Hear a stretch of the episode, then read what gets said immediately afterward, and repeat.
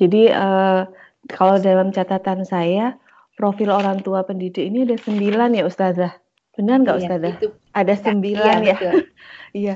uh, dan memang kita sebagai orang tua nggak bisa asal nikah punya anak gitu terus mendidik anak uh, seperti air mengalir tanpa harus belajar gitu memang uh, apa kita tetap harus belajar dalam mendidik anak gitu kalau belum ada pertanyaan ya. mungkin saya tanya dulu nih Ustazah karena anak saya Silakan, Mbak. Masih semata wayang gitu dan kebetulan masih berusia 10 tahun dan mungkin ini udah iya. menuju prabalik ya Ustazah gitu uh, ya. kalau yang tadi dikatakan bahwa apa pengaruh lingkungan gitu itu memang sangat besar sekali gitu. Jadi memang eh, saya merasakan sendiri ketika sekarang mengikuti suami di negeri orang gitu dengan ketika di Indonesia anak itu kan pergaulannya menjadi berbeda. Jadi se sebagaimanapun saya di rumah membatasi gadget, membatasi apa pun, tetapi ketika di sekolah gitu, anak-anak melihat uh, apa, misalkan Ustazah mohon maaf, misalnya ada kegiatan di luar uh, nonton film gitu.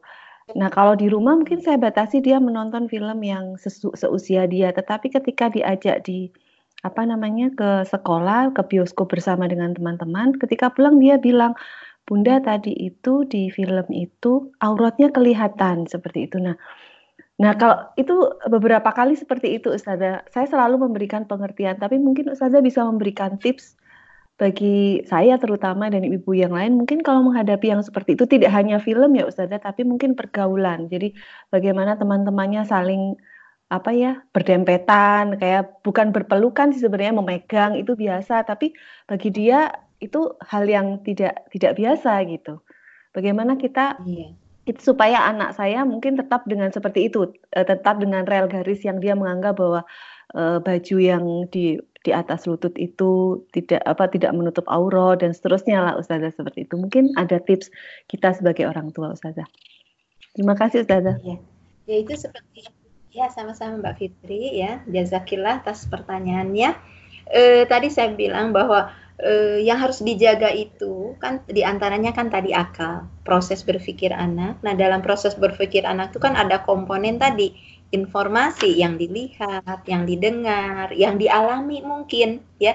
E, mungkin yang memberikan perlakuan bukan kita, tapi guru boleh jadi bagaimana guru memarahi anak kita atau e, temannya yang membuli anak kita. Ya itu akan mempengaruhi kepada proses berpikir anak gitu kan. Nah, apa yang harus dilakukan orang tua ya? Tentu kita harus paham bahwa hidup di eh, dunia kapitalis liberal sekarang eh, anak kita itu resisten anak kita itu tidak bisa kita kita kerangkeng tidak bisa kita isolasi di rumah karena tadi kita butuh eh, apa namanya pergaulan bahkan kita wajib untuk eh, merubah ya sistem tersebut. Jadi kita itu bukan mengisolir diri termasuk mengisolir anak kita. Misalkan ya udah nggak usah sekolah aja kita homeschooling di rumah gitu kan.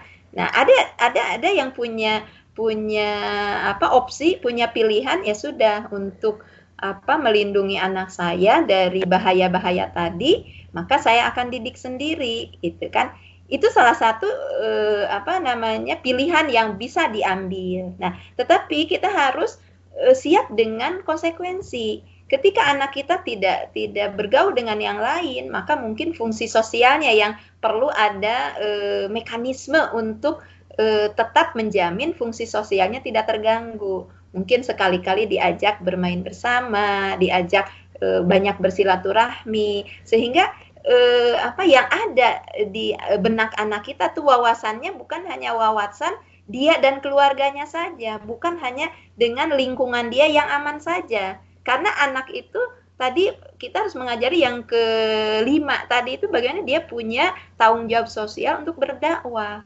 Nah, ketika anak hanya di dalam uh, uh, apa namanya komunitas atau lingkungan yang baik saja, dia tidak memahami lingkungan di luar yang rusak, dia uh, boleh jadi akan terjadi kepanikan atau uh, ketidaksiapan ketika dia hidup di lingkungan yang sebenarnya jauh dari orang tua, jauh dari yang selama ini menjaganya, dia tidak siap begitu. Nah, ini yang harus kita waspadai ketika anak diisolir dalam lingkungan yang tadi uh, yang steril gitu.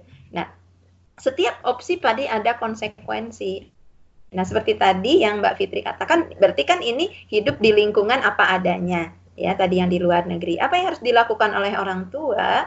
Ya, jelas fungsi kita adalah fungsi menetralisir kalau ada eh, apa namanya hal-hal yang meracuni atau membahayakan anak. Jadi ibarat e, kalau makanan itu ya, kalau metabolisme fisik itu kan ada proses detox ya. Bagaimana kita menghilangkan racun ya. Tidak mungkin eh, apa akan sulit sekali eh, gizi ya. Makanan-makanan baik itu eh, apa namanya berpengaruh baik pada tubuh ketika tubuh kita tuh banyak racunnya ya. Banyak eh, apa zat-zat radikal bebasnya. Maka secara apa mekanisme eh, biologis kita sebelum memberikan satu yang baik itu, maka harus didetoks dulu, dikeluarkan dulu racunnya, baru nanti dimasukkan eh, apa namanya eh, zat-zat yang baik itu. Nah itu maka akan optimal ya eh, dalam proses mekanisme biologisnya itu. Nah jadi orang tua harus tahu tadi racun-racun apa yang sudah masuk ke dalam benak anak, yang dilihat anak, yang didengar anak, yang e, difikirkan anak ya. Nah, ini makanya berikutnya terkait dengan komunikasi. Kadang kita itu sudah menjas, kita itu sudah menghukumi anak ya. Nah, ini Masya Allah ya, kalau kita punya waktu leluasa ya tentang komunikasi ke anak, mudah-mudahan nanti satu topik tersendiri ya. Kan kita tadi ya suka menganggap anak tuh orang dewasa. Ini contoh kasus saja ya. Ketika ada anak TK bertanya pada orang tuanya tentang aku ini berasal dari mana? Kan orang tua suka langsung berpikir pertanyaan itu pertanyaan orang dewasa. Ya, dari mama, dari papa, gimana kalau anak terus nanya, gimana bisa dari mama, dari papa, aku ini gimana? Akhirnya yang dijelaskan itu apa? Proses terjadinya, ya, eh, apa namanya, eh, pertemuan shelter dan sebagainya. Padahal yang dimaksud oleh anak bukan itu. Akhirnya ketika anak bertanya, aku ini dari mana? Nah orang tua kan jadi marah. Sebenarnya kamu itu maunya apa sih? Udah dijelaskan kok nggak ngerti-ngerti gitu kan. Akhirnya kan langsung mengfonis anak bahwa anak itu ngeyel. Atau eh, ada juga bahwa berpikirnya oh, anak saya ini sudah terlalu dewasa. Nah, tapi ada orang tua yang memahami anak itu sesuai dengan kondisinya. Lalu dia bertanya, kenapa kakak nanya begitu? Ya. Nah, lalu si anak berjawab, e, tadi ada teman ya teman kakak teman baru. Dia ketika memperkenalkan diri ditanya ya dari mana asalnya? Asalnya dari Solo ya. Nah kan jadi clear. Si anak itu hanya bertanya kalau orang tuanya itu berasal dari daerah mana tapi ketika orang tua yang mendengar itu memahami dengan kacamata orang dewasa yang dijelaskan, justru tadi proses e, biologisnya atau proses yang lain. Nah, ini orang tua yang tidak memahami bahasa anak, ya. Nah, kadang seperti tadi ya uh, ketika anak misal begini uh, habis keluar tadi ngapain? Ya apa yang dilakukan? Nah gaya memfonis seperti itu yang terjadi itu bukan anak mengungkapkan apa yang terjadi.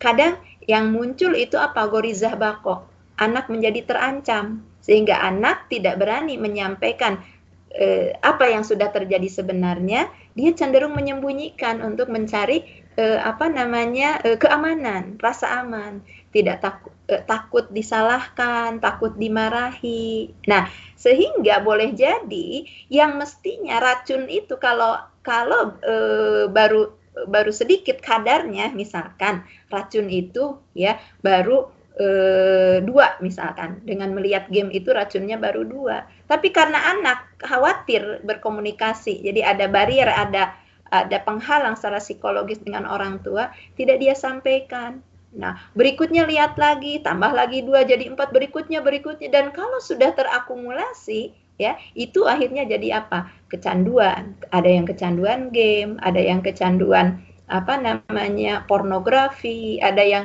kecanduan sebagainya. Ini karena apa? Orang tua tidak segera peka ya e, tidak memiliki kemampuan berkomunikasi untuk mengeksplor anak. Yang terjadi justru apa? Menghukumi anak. Dan ini yang bisa menyebabkan jauhnya orang tua dengan anak bukan menyelesaikan masalah tapi justru mempermalah memperparah masalah. Nah, sehingga sikap orang tua adalah tadi bagaimana mendengarkan dulu, mengeksplor dulu. Jadi ibarat detox ya, kita mengeluarkan dulu racunnya, jangan dulu mengobati. Karena obat juga tidak akan bekerja dengan optimal, tidak bekerja dengan efektif ketika tubuhnya menolak ya, menolak e, obat itu. Ibaratnya kalau kita mau mengisi apa gelas atau mengisi botol, maka si gelas itu harus di apa? Dikosongkan dulu. Ya, di, baru ada ruang ya untuk menerima yang baru. Nasihat tidak mungkin diterima anak ketika anak itu lagi apa? Nih lagi suntuk, lagi penuh. Maka sikap eh, yang pertama dilakukan kita dengarkan dulu ya kita e, tahu dulu apa sih yang terjadi dengan anak tidak boleh langsung memfonis tidak boleh langsung menghukumi kenapa karena kita belum tahu informasi yang lengkap yang terjadi justru tadi ya kita bisa mengambil kesimpulan yang salah. Nah di sinilah perlu kesabaran ya e, perlu apa e, skill dalam berkomunikasi kemampuan mendengar. Nah baru kalau sudah tahu ininya racun-racunnya nah kita komunikasikan lagi dengan anak. Nah, tentu ini nanti eh, apa tergantung tadi apa eh, fase mana anak ini, apakah balita, apakah eh, tamis, prabalik ya seperti tadi eh, putranya Mbak Fitri kan eh, itu sudah menjelang balik, ya itu beda gaya komunikasinya. Harus banyak dia yang eh, dilibatkan ya. Jadi kita banyak mendengar, bukan banyak bicara ya jadi bicaranya sedikit-sedikit nah di situlah kita membangun kemandirian dia membangun percaya diri dia membangun kemampuan dia dalam berargumen dan membangun kemampuan dia untuk apa namanya menerima pendapat begitu. Itu secara ringkasnya. Jadi teknisnya banyak dengarkan kemudian arahkan. Kalau sudah mendengar baru diarahkan ke hukum tadi. Nah eh, bagaimana Allah. Jadi bukan bukan bukan e, dari orang tua. Ini Allah ini Rasulullah. Nah kemudian juga mungkin dibutuhkan eh, fakta-fakta ya contoh-contoh dampak kalau dia tetap begitu. Nah seperti tadi misalnya contohnya aurat. Nah ditanya auratnya itu seperti apa? Kadang kan ketika ini oh ada ya uh, saya melihat ya misalkan ya saya melihat orang pacaran. Nah gambaran kita itu yang namanya pacaran saya orang dewasa. Ternyata apa? Pacaran itu duduk berdua gitu kan? Nah atau apa namanya uh, dia misalkan dia sudah uh, membuka aurat gitu kan gambaran kita yang membuka aurat tuh mungkin yang apa yang seperti di pantai ternyata apa Ke, uh, tertutup tubuhnya tapi tidak memakai kerudung. Nah, ini kan tentu beda ininya ya, pensikapannya itu. Nah, jadi kita e, prinsipnya kita detili dulu, kita eksplor dulu apa yang dilihat anak, didengar anak itu, baru berikutnya arahkan kepada e, aturan atau hukum syariah sebenarnya harus seperti apa. Kemudian yang ketiga, e, bantu ya anak itu dengan contoh-contoh konsekuensi ketika terjadi pelanggaran ya dan dorong anak dengan reward kalau anak dalam ketaatan. Itu mungkin secara sederhananya, insya Allah mudah-mudahan nanti kita punya waktu ke depan untuk mempreteli lagi eh, poin-poin ini. Begitu Mbak Fitri. Ya, terima kasih Ustazah. Memang sepertinya menarik sekali nih. Intinya kan kita itu sebagai orang tua, mau anak kita masih kecil, mau udah prabalik, kayaknya memang kemampuan mendengar kita itu yang harus diasah ya Ustazah. Jadi kita ya, dengar dulu betul. maksud dia apa dulu gitu. Seperti pertanyaan ya. Balita tadi kan ternyata cuma berasal dari mana itu asal kota gitu. Seperti ya. itu memang kemampuan mendengar dulu. Jadi ya. kayaknya memang dengan kacamata orang dewasa Iya, iya, iya Ustazah benar. Mungkin Mbak Teh Rinta uh, atau Teh Mela bisa diagendakan nih komunikasi dengan anak ini saya tertarik sekali karena memang setiap usia anak gaya komunikasi kita memang harusnya berbeda. Uh, Ustazah ini iya. ada iya. apa? Ada pertanyaan dari uh, Mbak Ami tinggal di London. Uh, Alhamdulillah saya diamanai Allah dua orang anak, perempuan lima tahun, laki-laki empat tahun. Karena perbedaan usia cukup dekat, maka mereka selaling, sal, sering melakukan aktivitas bersama-sama, misalkan main, menonton. Karena itu anak saya hmm. yang laki itu sering mencontoh apa yang dilakukan kakaknya yang perempuan. Hmm. Uh, misalnya bermain boneka gitu.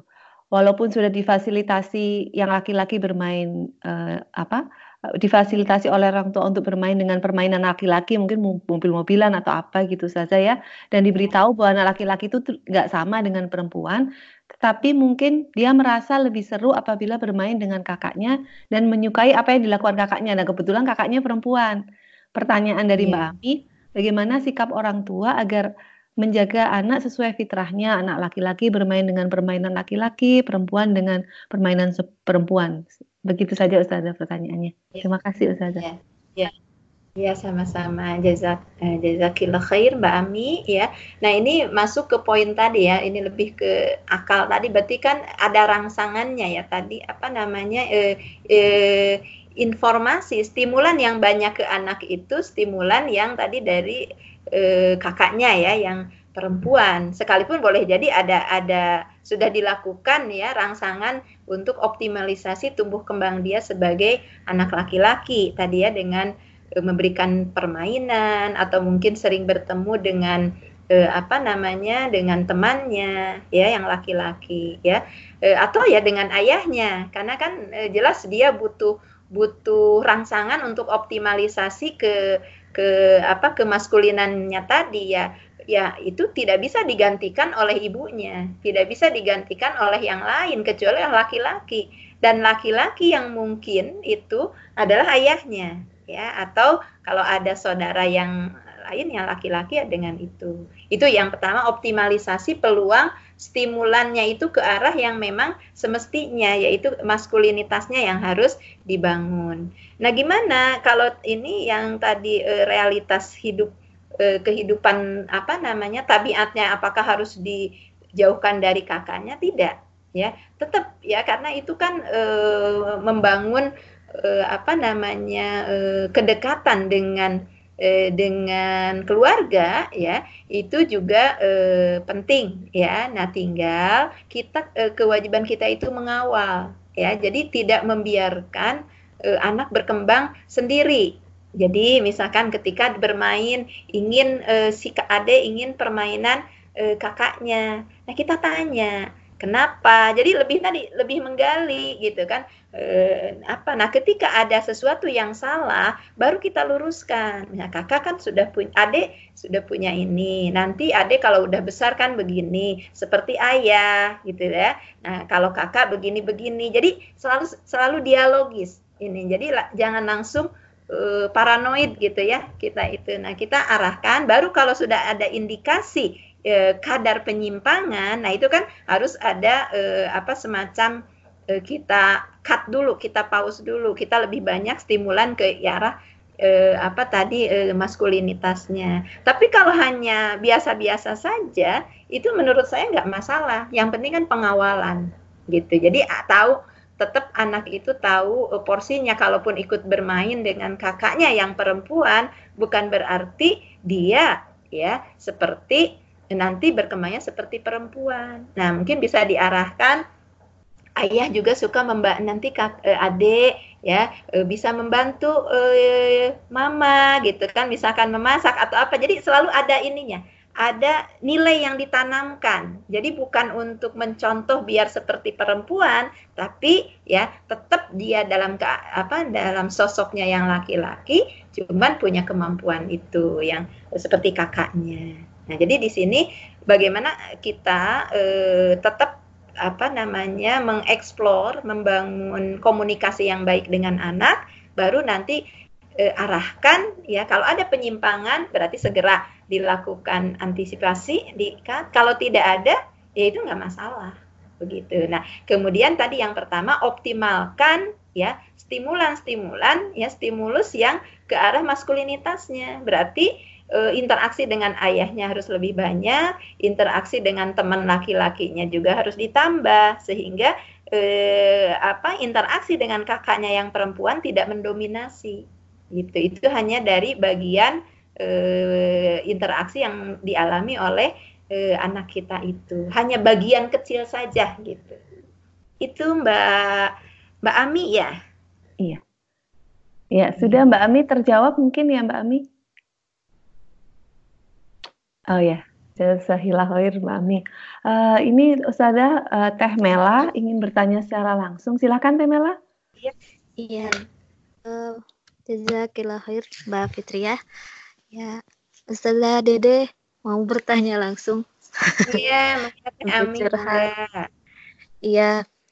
Uh, saya Mela dari Liverpool UK dan saat ini alhamdulillah diberikan amanah uh, baru satu ya satu orang putri dua setengah tahun. Dan uh, tadi mendengar pemaparan dari Ustadz Dede, uh, masya Allah gitu ya, jadi banyak introspeksi gitu ya. Dan memang ternyata masih banyak yang harus diperbaiki gitu, mulai dari cara berkomunikasi uh, dan seterusnya. Kemudian tadi Ustaz Dede menyampaikan bahwa kalau ada perilaku dari anak yang membangkang, kemudian tidak nurut, itu kan pasti ada uh, intervensi dari kita. Kenapa sih anak atau andil dari kita, kenapa anak itu bisa nurut, kemudian tidak nurut dan membangkang? Nah ini karena anak saya baru dua setengah tahun ya, paling dari uh, pembiasaan uh, kebiasaan sehari-hari gitu misalnya dari mandi uh, kemudian misalnya pakai popok pakai baju dan sebagainya gitu jadi memang semakin besar semakin uh, apa besar pula tantangannya gitu misal ketika mau mandi itu sampai memang perlu usaha keras gitu untuk membawa ke kamar mandi. Kemudian hmm. ketika mau sudah mensudahi apa mandinya itu juga perlu usaha keras gitu untuk memang mengeluarkannya dari kamar mandi. Terus uh, setelah um, apa uh, keluar dari kamar mandi perlu juga usaha yang keras gitu untuk memang memakaikan popok kemudian uh, bajunya dan itu lumayan menguras emosi.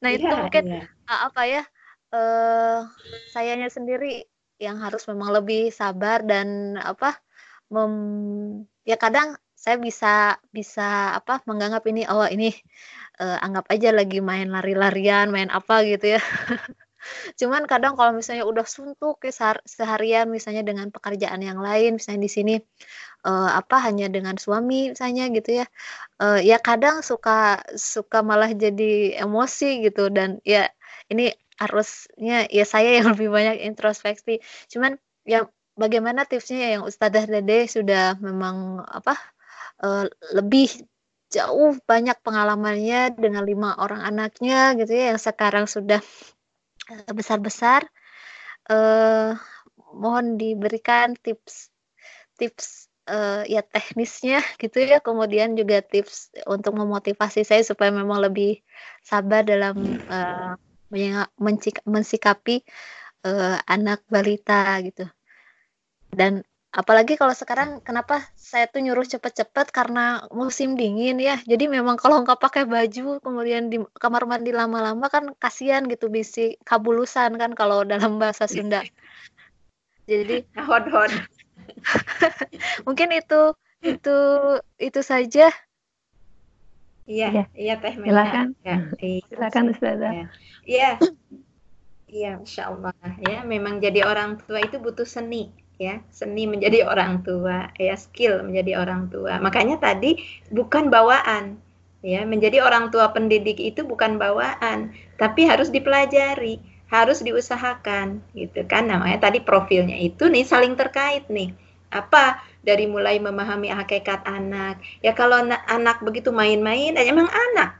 Ya kalau ada orang tua main-main aja itu baru yang eh, apa eh, tidak bisa diterima ya kadang tapi ada orang tua juga kan butuh main jadi kalau anak main aja ya justru itulah anak-anak gitu jadi kita itu justru eh, apa melihat ya uh, ya ini memang anak an, dia usia anak. Jadi uh, yang harus dibangun itu mindset kita gitu ya. Dia anak dua tahun, memang dia sedang proses belajar. Anak itu kalau kita lihat dia itu sebenarnya kenapa main air? Dia itu sedang belajar ya kadang kan memindahkan sesuatu diairin lagi di ini bahkan ada yang nyelupin ya ke bak itu baju bahkan apa uh, odol sampo menurut kita kan itu uh, apa namanya merusak air jadi keruh, sampo jadi habis. Padahal boleh jadi anak itu sedang melihat apa bedanya. Kenapa kalau dicampur jadi ada busa, ya? Kenapa? Nah, itulah e, kesabaran kita untuk e, men menyelami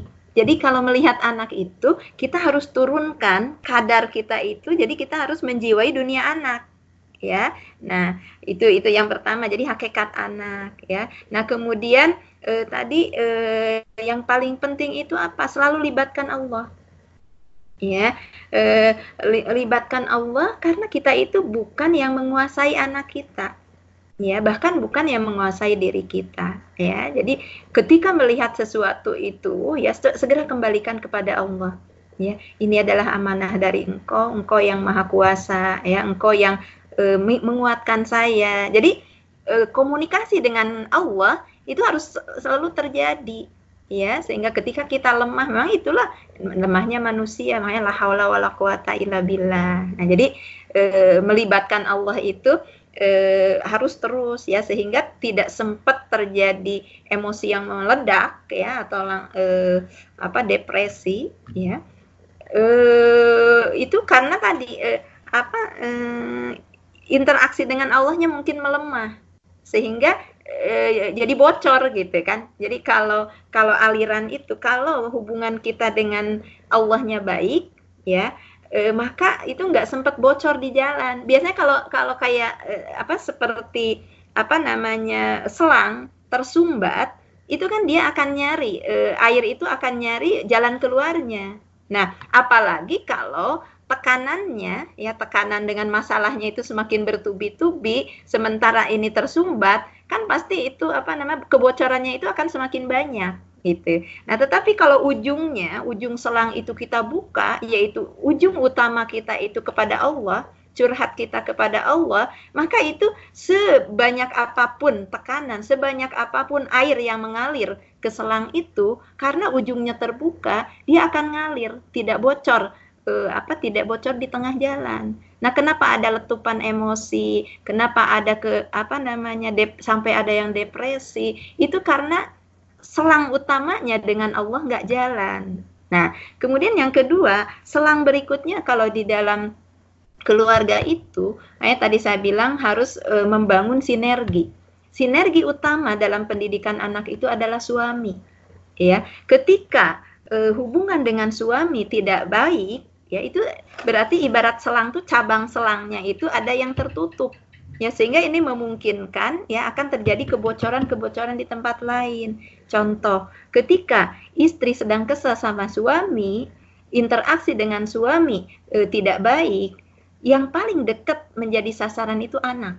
Sebenarnya masalah kita tuh dengan suami, tetapi kenapa justru ke anak? Karena anak yang ada ya. Nah, ini kadang seperti makanya kita harus banyak introspeksi ya harus banyak memaafkan jangan sampai uh, anak jadi korban gara-gara kita kesal pada suami enak aja suami itu kan berangkat rapi, pulang rumah sudah rapi, tidak mengerti bagaimana eh, babak belurnya ibu mengurusi anak di rumah, mengurusi uh, rum, uh, rumah supaya tetap rapi. Kan suami pulang tinggal tidur makan. Nah, se sementara ibu-ibu tuh 24 jam Nah, kalau ini, ini hantu, ini apa?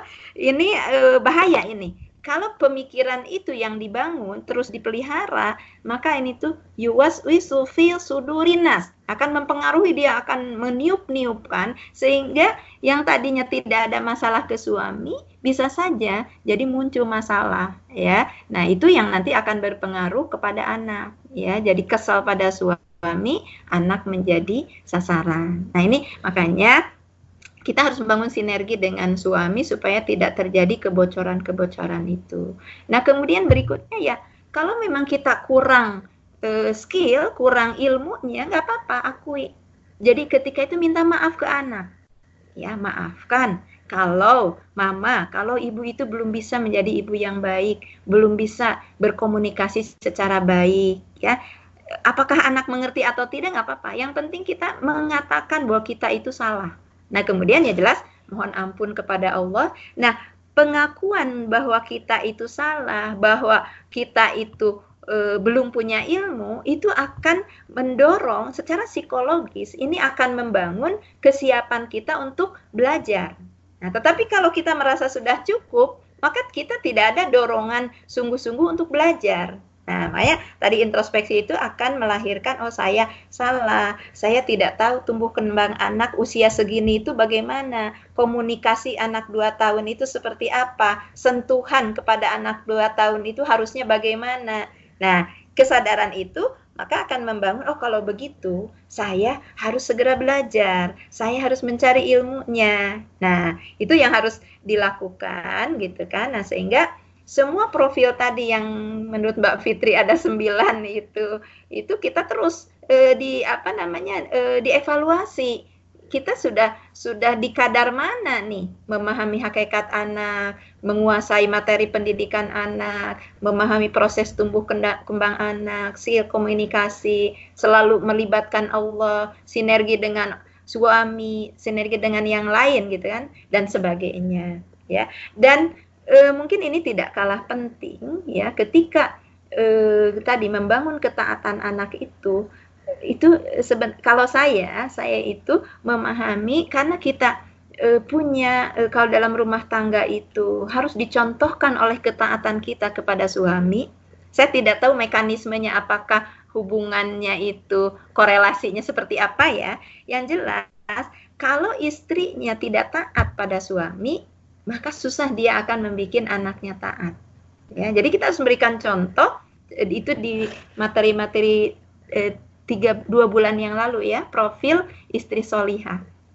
Jadi ketaatan kita kepada suami itu harus ketaatan total, ya ketaatan tanpa tapi, keta ketaatan tanpa syarat selama bukan maksiat. Nah itu dulu yang harus dibangun. Ketika kita sudah memberikan ketaatan penuh kepada suami, ke, jelas ketaatan total pada Allah, ya, maka insya Allah Allah lah yang akan memberikan kemudahan membangun atau e, e, apa namanya e, melahirkan anak-anak yang taat. Tapi kalau sebaliknya, ya pasti e, kesulitan itu yang akan kita hadapi. Nah, kemudian yang terakhir, kalaupun berbagai cara sudah kita lakukan, ya tetap saja e, kita dikasih ujian, ya itu adalah ujian.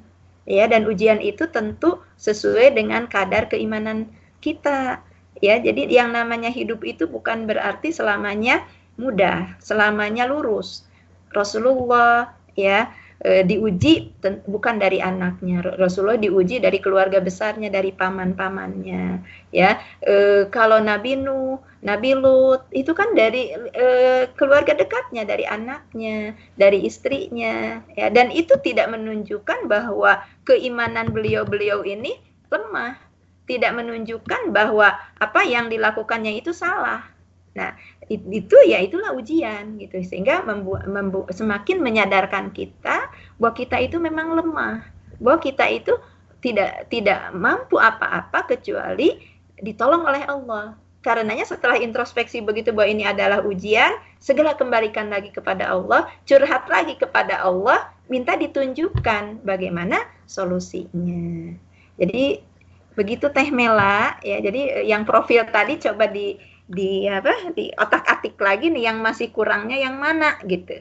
Nah, kalau masih kurang berarti ditambah, kalau belum tahu berarti belajar, kalau salah segera diganti ya. Nah, kalau salahnya kepada anak minta maaf, salah pada suami minta maaf ya. Kalau salahnya pada Allah ya bertobat, begitu. Kumaha Teh Mela, tos jelas? Gimana Teh Mela? Sepertinya udah jelas itu Ustazah. Insya Allah, ya. ya. Uh, mungkin teteh-teteh, mbak-mbak yang lain mungkin akan bertanya secara langsung. Ada? Uh, silakan, Terinta. Silakan, Teh. Ya. ya, makasih Mbak Fitri. Masya Allah, jazakillah khair, Ustazah Dedeh. Uh, materi hari ini luar biasa. Iya. Uh, ini saya ingin menanyakan terkait dengan bagaimana uh, melihat kadar keimanan, bukan kadar ya. Kan tadi yang pertama adalah mengenalkan, ini memberikan mengenalkan anak terhadap Allah gitu ya terkait dengan keimanannya. Uh, sejauh mana kita bisa melihat bahwa kita itu telah berhasil untuk memberikan uh, penanaman keimanan kepada Allah ini. Karena ini uh, saya untuk anak yang uh, 10 tahun gitu ya. Uh, ini kan udah masa balik dan mereka sebentar lagi akan menuju balik karena percakapannya udah sudah tidak uh, bertanya tentang Allah lagi, tetapi sudah seperti apa papahnya, bagaimana nanti dia gitu ya kalau uh, istilahnya secara biologisnya berubah, terus apa namanya bahkan sempat dulu itu uh, apa uh, menanyakan tentang uh, apa namanya menikah gitu. Jadi waktu itu kalau nggak salah oh ini masalah biologis badannya nanti mungkin katanya uh, akan seperti papa kalau sudah menikah gitu jadi dia itu sudah ke arah sana apalagi dengan di sekolah mungkin kan jauh juga ya dari enggak dari nilai-nilai Islam gitu. Nah uh, jadi se sejauh mana kita bisa tahu bahwa anak kita itu telah berhasil dalam karena pengenalan akidah ini kan dimulai dari uh, balita ya dari mungkin semenjak di dalam kandungan juga sudah diperkenalkan gitu ya sampai ketika menjelang balik atau memayiz itu sudah paham gitu. Karena anak saya sendiri itu masih sepertinya uh, dulu sempat sempat terlontar pertanyaan masih bingung katanya bagaimana Allah itu bisa memberikan apa ya menciptakan terus Allah itu berdatangnya uh, apa namanya ya tidak tidak ada awal dan akhir terus jadi dia masih dalam isinya masih terus berpikir untuk itu. Sehingga uh, saya berpikir bahwa apakah ini belum tuntas memperkenalkan uh, an, saya memperkenalkan anak terhadap keimanan ini gitu. Sehingga yang saya lihat anak-anak itu uh, sus, masalah sholat mungkin syariat ya untuk sholat itu kan berat banget. Jangankan anak-anak dewasa aja justru luar biasa gitu. Apalagi dengan waktu yang pendek ini berkejar-kejaran gitu kita akan mengalami. Kalau di Indonesia kan stabil gitu jadi saya merasakan waktu di Indonesia itu lebih uh, anak itu lebih mudah untuk termotivasi mereka berangkat ber, sholat subuh aja itu ringan gitu ya dulu pernah papahnya waktu sudah di sini saya bersama mereka bertiga berempat di Malang itu minta sholat uh, subuh sendiri berangkat ke masjid gitu. Saya anterin cuma sampai pagar.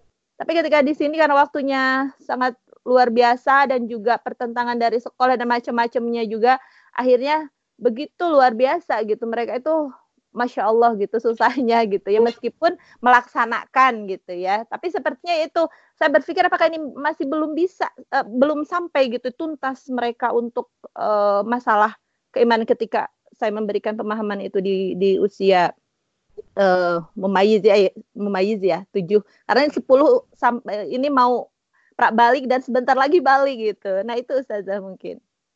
Terima ya. kasih. Nah ini ini uh, mungkin akan lebih ininya nanti insya Allah pada uh, yang pembagian balita, uh, tamis dan prak balik ya. Nah tapi secara global ya bahwa eh, ini eh, apa namanya gimana cara mengukurnya nah eh, mengukur keberhasilan ya kita harus tahu bahwa target untuk ke anak itu ya kita penanaman jadi kalau eh, kaset itu kayak kita merekam, sedang merekam terus. Jadi nanti diputernya. Jadi apakah rekaman kita itu nanti e, berpengaruh baik atau tidak kan nanti setelah diputar. Nah, kalau anak itu e, tuntasnya itu nanti pas balik gitu ya. Nah, tapi bukan berarti eh, ketika belum balik tidak terjadi evaluasi. Nah, makanya kan penanaman dulu konten materinya itu harus utuh ya. Jadi eh, eh, materi keimanan itu bagaimana mengajarkan Allah, mengenalkan apa namanya eh, Rasulullah, mengenalkan kitab. Nah, itu harus tuntas. Jadi jangan sampai menggantung, jangan sampai materi-materi keimanan itu hanya sepintas gitu. Jadi kita ininya tuh apa namanya kadar atau standar ukurannya itu sampainya materi itu kepada anak dengan tuntas. Itu penanaman. Nah ini tentu terkait dengan apa namanya bahasa. Ya bahasa yang digunakan contoh yang diperlukan. Ya karena kan tiap e, fase usia beda-beda. Nah kalau anak anak itu kan ihsasnya baru sampai e, sampai dia e, hanya mengamati apa yang ada pada dirinya apa yang ada di sekitarnya juga ya ya sekitar dekat jadi dia nggak bisa gambarannya itu atau contohnya yang jauh-jauh ya itu jadi ketika mengenalkan kekuasaan Allah itu contohnya harus yang Eh, terjangkau oleh dia di sekitar dia. Nah, kalau sudah tamis, anak sudah ada eh, sos, apa namanya interaksi dengan yang lain, contohnya kan akan lebih luas lagi. Apalagi tadi usia 10 tahun, tentu eh, apa fakta-fakta yang yang dilihat, yang didengar itu eh, sudah lebih berkembang lagi. Nah, karenanya berarti di sini eh, tadi eh, seperti contohnya tentang pernikahan, contohnya tentang eh, apa perubahan biologis. Nah, kita eh, ajak dialog dia. Jadi jangan jangan eh, apa namanya panik gitu kan. Oh kok anak saya udah nanya ini gitu. Eh, karena anak itu nanya pasti kan ada maklumat, karena ada informasi sehingga dia butuh ada penjelasan gitu. Nah, kalau anak sudah bertanya, maka harus dijawab gitu. Kalau anak tidak bertanya, nah kita tadi melihat usia segini apa yang harus disampaikan. Nah, itu jadi kita e, menyesuaikan dengan tadi e, proses tumbuh kembang anak. Tapi kalau anak sudah bertanya, itu nggak boleh kita tunda. Karena apa? Berarti kan sudah ada informasi. Nah, tinggal jawabannya sampai kadar mana. Nah, itu dikembalikan lagi kepada e, usia dia seberapa. Nah, kalau usia 10 tahun itu sudah e, banyak informasi ya sehingga eh, bisa kalau nanya tentang nikah memang apa yang difahami tentang nikah atau gambaran nikahnya itu seperti apa terus bertanya itu untuk apa jadi kita lebih eh, tadi gayanya itu gaya eksplor eksploratif ya eh, bukan langsung oh begini begini karena kita tidak tahu anak itu kebutuhannya sampai di mana gitu. Jadi eh, terus diikuti ya. Nah nanti beda-beda. Nanti anak itu mungkin hanya butuh sampai e, tiga kali, lima kali jawaban, atau ada yang sampai harus sepuluh kali, tergantung tingkat e, apa namanya e, e, penasaran dia atau e, dia itu sebenarnya puasnya itu sampai di mana, gitu kan?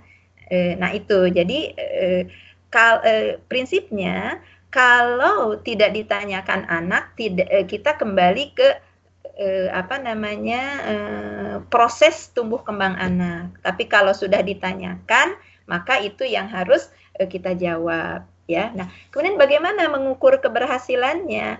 Ya tadi kan kalau penanaman begitu. Nah, berikutnya anak itu bukan hanya penanaman, berikutnya itu dia butuh pembiasaan. Nah, kalau pembiasaan tadi betul ya seperti Teh Rinta katakan, eh, sholat kalau di, diajak ke masjid diberikan contoh ya nah di sini juga berarti sekalipun sekarang lebih sulit atau lebih berat kondisinya bukan berarti pembiasaan ditinggalkan karena anak tuh membutuhkan pembiasaan gitu. Nah, tentu dalam kondisi yang berat energi yang harus dikeluarkan juga tentu lebih besar dibanding kondisi e, di Indonesia ya. Jadi fase kedua adalah pro, e, fase pembiasaan. Nah, berikutnya adalah fase pengokohan. Eh, setelah biasa, anak itu belum tentu kokoh karena dia kan masih apa namanya masih uh, gal, masih uh, rawan dipengaruhi oleh uh, lingkungannya.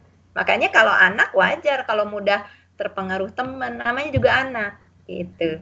Jangankan anak, orang dewasa juga ada yang mudah dipengaruhi. Nah, makanya harus ada pengokohan yang tadi dikawal terus gitu kan. Kalau ada penyimpangan kita arahkan lagi kepada yang e, benar, tapi bukan berarti e, kalau ada penyimpangan langsung kita hukumi enggak karena dia anak Nah, sekalipun dalam proses eh, penanaman, proses pembiasaan dan proses pengokohan bukan berarti tidak ada eh, apa namanya eh, punishment. Tetap kita butuh dalam pendidikan itu butuh reward dan punishment, tetapi eh, bukan eh, hukuman. ya e, ininya ya jadi e, kadarnya itu bukan untuk hukuman karena dia bu, belum ada taklif sehingga tidak ada konsekuensi e, dosa kalau untuk anak-anak itu tapi reward dan punishment itu adalah e, dibutuhkan untuk optimalisasi target pendidikan ya kalau target pema, apa tadi tar, target pengetahuan penanaman tentu kan kita punya targetnya. Jangan sampai lupa dia jangan sampai diabaikan oleh dia. Itu proses penanaman. Nah target pembiasaan kan pengulangan ya. E, dia bagaimana sesuai dengan pengetahuan yang sudah disampaikan. Nah berikutnya kalau pengokohan sesuatu yang sudah membudaya, sesuatu yang sudah biasa itu tidak tergantung kepada lingkungan karena dorongannya sudah dari dalam. Nah, semestinya kalau pendidikan itu sudah tuntas, pas anak balik itu memang dia sudah menjadi center bagi perilakunya. Jadi dia tidak terpengaruh oleh lingkungannya seberat apa pun karena dia sudah eh, siap untuk mengemban taklif. Nah, tapi itu semua ya dipengaruhi oleh proses sebelumnya. Bagaimana proses pengokohannya, bagaimana pembiasaannya, dan bagaimana penanamannya. Nah, gimana kalau sudah terlanjur? Ya, selama masih bisa terjadi dialog, misalkan ilmu parentingnya baru kita ketahui setelah anak kita 10 tahun atau mungkin setelah anak kita tuh balik ya jadi kan dia sudah sudah lewat tuh masa anak-anaknya. Karena dalam Islam itu hanya balik batasannya itu. Kalau sudah balik akil balik itu kan dia mestinya sudah menjadi orang dewasa. Tapi kan sistem sekarang tadi banyak racun-racunnya. Kita juga mungkin dulu itu belum siap. Nah kalau sadarnya baru sekarang insya Allah masih bisa kita lakukan. Tapi tadi berarti proses detoxnya yang harus lebih uh, lebih apa namanya uh, luar biasa energinya dan harus lebih intensif dibanding pendidikan di anak-anak. Karena dia sudah uh, orang dewasa. Orang dewasa atau menjelang dewasa itu sudah ada pengokohan yang lain gitu. Jadi ketika kita ingin mengokohkan ke arah visi misi kita sementara dia sudah sedikit kokoh dengan sesuatu yang tidak searah nah itu pasti akan berat. Tapi bukan berarti tidak mungkin ya e, itu bisa kita lakukan ya. Jadi kembali ke pertanyaan e, Teh Rinta ya. Bagi, e, gimana ukurannya? Tadi ukuran penanaman dia tahu ukuran pembiasaan terbiasa ukuran pengokohan dia sudah kokoh. Jadi dia sudah bisa menentukan tanggung jawabnya sendiri. Nah tapi itu baru bisa terjadi setelah balik ya. Kalau belum balik ya dia belum jadi wajar kalau tadi banyak, eh, banyak ya sebenarnya bukan pelanggaran itu karena belum kokoh. Jadi eh, ada ada apa kalau ikatan itu eh, belum kuat jadi lepas lagi lepas lagi. Nah fungsi orang tua itu kan menguatkan, mengembalikan lagi, mengingatkan lagi, mengawal lagi, mendorong gitu kan. Nah memberi contoh. Nah seperti itu. Halo? Iya, gimana Teh Rinta? Sepertinya jawaban Ustazah sudah. Ya ini jazakillah khair katanya Ustazah. Iya. Iya, Ustazah mungkin di Indonesia sudah uh, azan maghrib kah? Eh, belum belum oh, iya. sebentar. Oh iya. iya. Mungkin satu pertanyaan lagi dari Mbak Soraya. Uh, beliau mau yes. Iya, tanya langsung Mbak Soraya silahkan. Assalamualaikum Ustazah Dede. Ini saya udah nyambung belum? Assalamualaikum warahmatullahi wabarakatuh. Sudah, Mbak. Oke, uh, Ustazah, perkenalkan nama saya Rohangi Soraya, tapi bisa dipanggil Ayah. Saya, uh, ya saya ibu dari anak laki-laki yang berusia 13 tahun. Ini um, baru aja pindah ke Finland, belum sebulan kayaknya. Uh, ini sih sebenarnya lebih ke lebih ke kerisauan saya sebagai seorang ibu uh, apakah saya sudah uh, cukup gitu ya? Maksudnya uh, mendidik anak saya yang uh, akan menjelang akil balik. Jadi uh, flashback sedikit ya Ustazah. Ya Mbak. Uh, jadi kemarin itu um, usia 5 sampai uh, 12 tahun uh, kami domisilinya di Singapura. Nah, pada iya. saat itu, ya pada saat itu uh, saya uh, menambahkan pendidikan agama untuk anak saya. Saya taruh di madrasah. Kebetulan, ya di Singapura ada madrasah di hari Sabtu atau Minggu seperti itu.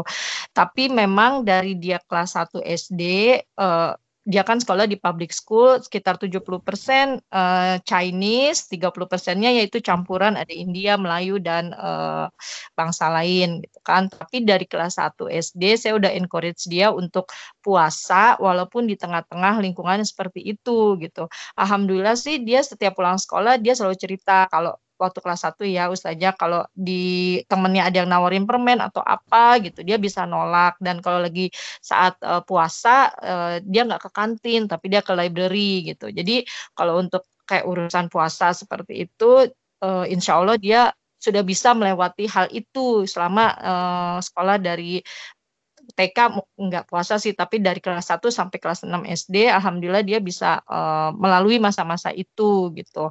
Nah, kemarin menjelang kelas 6 saya lebih fokus lagi nih. Oh ya nih anak udah mau uh, apa akil balik gitu kan. Jadi saya terus tambahkan uh, mempersiapkan dia pada saat nantinya di akhir balik insya Allah setidaknya dia sudah cukup gitu untuk hal-hal yang penting seperti kayak ngaji, sholat yang utama-utama puasa itu insya Allah dia sudah siap gitu nantinya gitu kan. Nah menjelang kelas 6 saya tambah fokus gitu kan. Terus akhirnya uh, saya berusaha untuk uh, cari rumah yang mendekatkan ke masjid. Ini masih di Singapura ya Ustadz eh ustazah. Yeah. Nah, jadi ya jadi saya mulai membiasakan sholat maghrib, isya dan subuh gitu kan bisa ke masjid.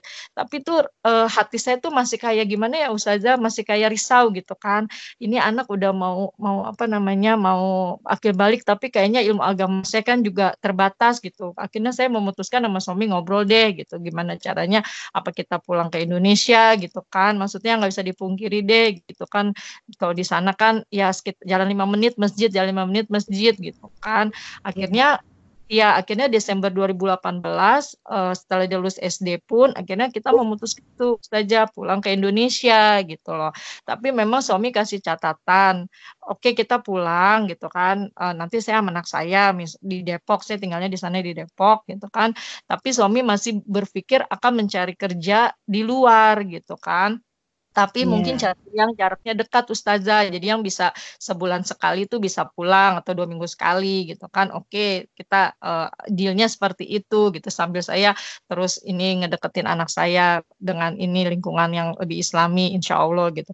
Tapi kan itu rencana manusia ya ustazah. Akhirnya ternyata begitu sampai Indonesia suami ditempatkan nih eh, suami dapat pekerjaannya yang agak jauh. Akhirnya bekerjanya di Norway kemarin selama di tahun 2018 itu Ustazah. Akhirnya saya LDR gitu kan. Hmm. Nah, LDR kan gitu. Tapi kan saya juga ngerasa nggak bisa kayak begini juga. Maksudnya terlalu jauh gitu. Anak kan juga masih butuh sosok bapak di umur-umur sekarang ini gitu. Ya kan Ustazah. Nah, singkat cerita, ya singkat cerita intinya suami terus cari pekerjaan yang kita bisa kumpul bareng, ya kan Ustazah. Ya. Akhirnya sampailah kita ke sini. sampai lagi ke sini iya hmm. kita bisa bareng tapi ke Finland dengan keadaan negara yang eh, apa ya ya pokoknya segala macamnya bener-bener ini deh gitu. Sampai hari ini tuh saya masih kayak nggak percaya sebenarnya kok saya bisa tiba-tiba ada di sini. Terus kerisauan saya terus terus bertambah gitu ya. Ini gimana dengan didikan agama anak saya gitu kan. Jadi apa ya tapi satu sisi suami ya kan? Saya nggak bisa juga apa sih maksudnya dia butuh support juga. Itu dia bekerja buat buat anak istrinya gitu kan. Maksudnya saya nggak bisa membiarkan dia. Dia sih sendiri sen, menawarkan kalau mau LDR nggak apa-apa saya di sini uh, dia sini sendiri gitu. Tapi kan saya nggak bisa kayak gitu ya. Maksudnya suami berjuang masa saya nggak support gitu kan. Tapi satu sisi saya mikirin anak saya gitu. Jadi satu ke anak satu ke suami gitu. Jadi ini kerisauan saya sih ustazah gitu kan. Terus yeah. akhirnya sekarang Iya, anak saya kan sekarang 13 tahun gitu kan. Memang belum belum akil balik gitu. Nah, jadi apa ya?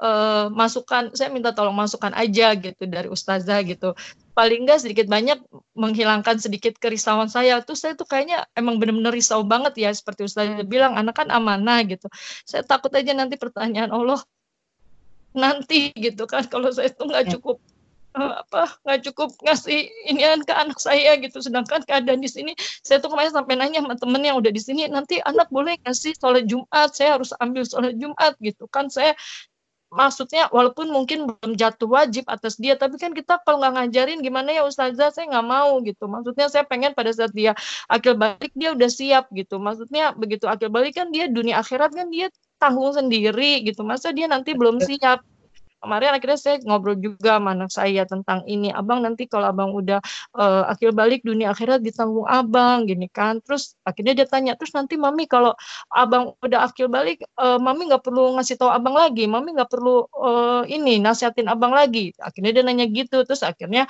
ya saya cuma bisa jelaskan semampu saya ya kalau namanya orang tua sih pasti selalu ingin selalu mendoakan anak selalu ngarahin anak biar anaknya uh, baik terus hidupnya. Ya saya sih cuma bisa jawab itu. Tapi saya minta masukan uh, ustazah gitu sedikit banyak. Saya pengen ngurangi kerisauan saya gitu. Karena satu sisi ya saya kan pengen patuh juga sama suami gitu. Tapi satu sisi nggak mungkin juga saya ninggalin. Maksudnya kalau saya fokus pokoknya anak saya harus belajar Islam yang benar tuh saya tinggalin dia di Indonesia misalnya nitipin sama keluarga saya gitu. Tapi kan itu juga kayaknya bukan solusi juga gitu kan untuk sementara ini. Karena umur dia yang masih di bawah umur yang menurut saya masih harus sama orang tuanya. Gitu aja ya Ustazah. Maaf panjang Assalamualaikum warahmatullahi wabarakatuh. Waalaikumsalam yang pertama tadi selalu melibatkan Allah itu ya. Jadi kerisauan itu kita kembalikan kepada Allah ya. Allah maha tahu apa yang sudah kita lakukan. Allah Maha tahu apa kewajiban kita. Nah, karenanya kita kembalikan pada Allah ya. Kita itu yang sayyidu istighfar ya, penghulunya istighfar ya, bahwa kita berlindung pada Allah dari e, kesalahan yang sudah dibuat oleh kita. Kita berlindung kepada Allah dari kesalahan yang tidak kita ketahui ya. Itu apa e, penghulunya istighfar Uh, jadi kita kembalikan pada Allah, kita mohon dikuatkan, kita mohon ditunjukkan. Jadi intinya yang pertama, perbaiki hubungan kita dengan Allah. Nah, kemudian yang kedua, perbaiki hubungan kita dengan suami. Ya, maksud perbaiki hubungan kita dengan suami bukan berarti sedang bermasalah. Tidak. Artinya harus lebih baik lagi. Karena ini kaitannya dengan pendidikan anak yang bukan kita sendirian ya. Berarti e, ibu ayah ini komunikasi dengan suami bagaimana pandangan suami tentang anak 13 tahun? Target-target suami e, gambaran anak segitu tuh harusnya seperti apa? Mbak Ayah juga kan tentu punya target gitu ya. Nah kalau sudah jelas bahwa kalau ini misalkan tidak sesuai dengan target kita maka apa yang harus kita lakukan? Itu bersama-sama. Jadi jangan hanya Mbak Ayah aja yang khawatir, nanti eh, apa namanya akan berat ya. Nah, kemudian setelah komunikasi dengan suami, tahu hasil evaluasi itu ya, lalu komunikasikan dengan anak karena dia kan sudah 13 tahun. Nah, dia membaca dirinya itu seperti apa ya? Karena dia bukan objek, dia harus sudah dibangun dia yang menjadi subjek, dia yang harus um, memandang masa depan dia gitu kan. Nah sekalipun belum bisa kita lepas karena dia belum balik. Kalaupun sudah balik peran orang tua itu masih tetap harus ya karena e, kita punya kewajiban gitu kan. E, amar ma'ruf nahi munkar gitu kan.